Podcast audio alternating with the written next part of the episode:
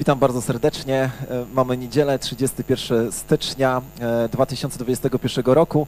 Naszym kaznodzieją e, dzisiaj był Filip Kegel. Zaczynamy sekcję Q&A. Filip, bardzo dziękuję za Twoje rozważanie. Temat e, Ducha Świętego i generalnie proroctw jest arcyciekawy, także na pewno będziemy wracać jeszcze do tych, e, do tych kwestii. Natomiast ja chciałbym Ci zadać dzisiaj dwa pytania z trochę innych dziedzin.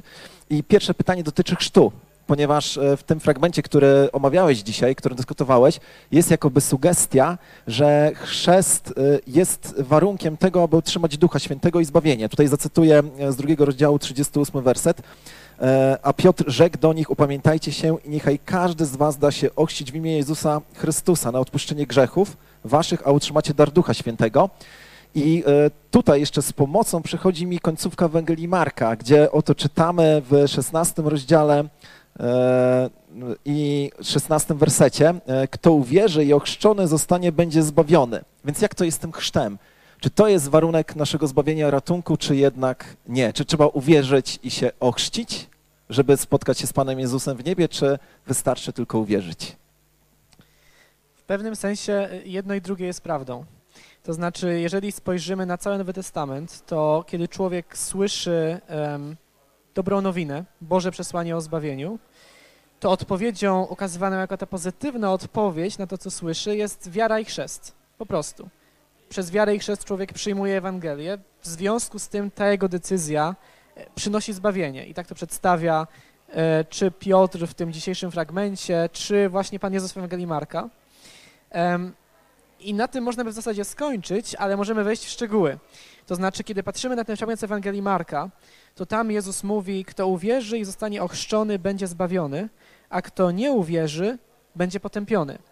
Więc em, tą zwykłą, regularną drogą do zbawienia, do doświadczenia zbawienia jest wiara i chrzest, ale jeżeli ktoś e, zostaje potępiony, to przyczyną potępienia jest brak wiary, a nie na przykład brak chrztu. Więc to wiara się okazuje być tym decydującym czynnikiem. Kiedy patrzymy potem na listy apostolskie, to również wiara z chrztem są zawsze związane, em, dlatego że chrzest wiarę wyraża. Chrzest jest czymś nieodłącznym od wiary w Nowym Testamencie.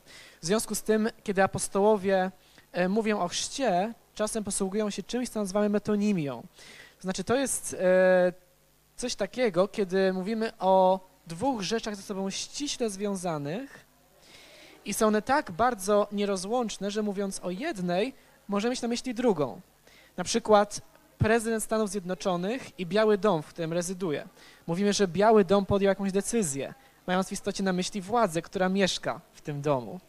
I tak samo tutaj, chrzest jest wyrazem wiary, jest nieodłączną od wiary, tak więc w wielu przypadkach, kiedy apostołowie mówią o chrzcie, mają na myśli decyzję, postawę, która stoi za tym chrztem. Na przykład liście do Kolosan apostoł Paweł mówi em, o chrzcie, przypisując mu tę rolę zbawczą, ale spójrzmy dokładnie na to, co, co, co pisze. Mówi, że pozbyliśmy się swojej cielesności jako pogrzebani wraz z Chrystusem w chrzcie i w chrzcie razem z Nim ożywieni przez wiarę pochodzącą z działania Boga. Więc chrzest jest tutaj ważny nie dlatego, że sam w sobie ma jakąś moc, albo że jest uczynkiem, przez który zasługujemy na zbawienie, ale po prostu jest wyrazem wiary i to wiara jest tym, co jest najważniejsze. Jeżeli jest sytuacja wyjątkowa, taka, w której ktoś na przykład wierzy w Chrystusa, ale umiera nie przyjąwszy chrztu, no pytanie, co wtedy? Mamy taką sytuację w Nowym Testamencie. Mamy Łotra, który na krzyżu prosi Jezusa, Panie, wspomnij na mnie, gdy będziesz w swoim królestwie. Jezus odpowiada, jeszcze dziś będziesz ze mną w raju. Więc Łotr uwierzył, nie miał okazji się ochrzcić, ale ponieważ miał to, co jest najistotniejsze, został zbawiony. Bardzo dziękuję za odpowiedź na to pytanie. E, I drugie pytanie, trochę kontrowersyjne. E, W proroctwie Dawida, e, które cytowane jest przez apostoła Piotra właśnie w kazaniu, tam znajdujemy takie słowa, że nie zostawisz duszy mojej w otchłani. I to niejako właśnie mówił sam Jezus. To znaczy Dawid prorokuje, ale mówi jakby w imieniu, e, w imieniu e, Jezusa.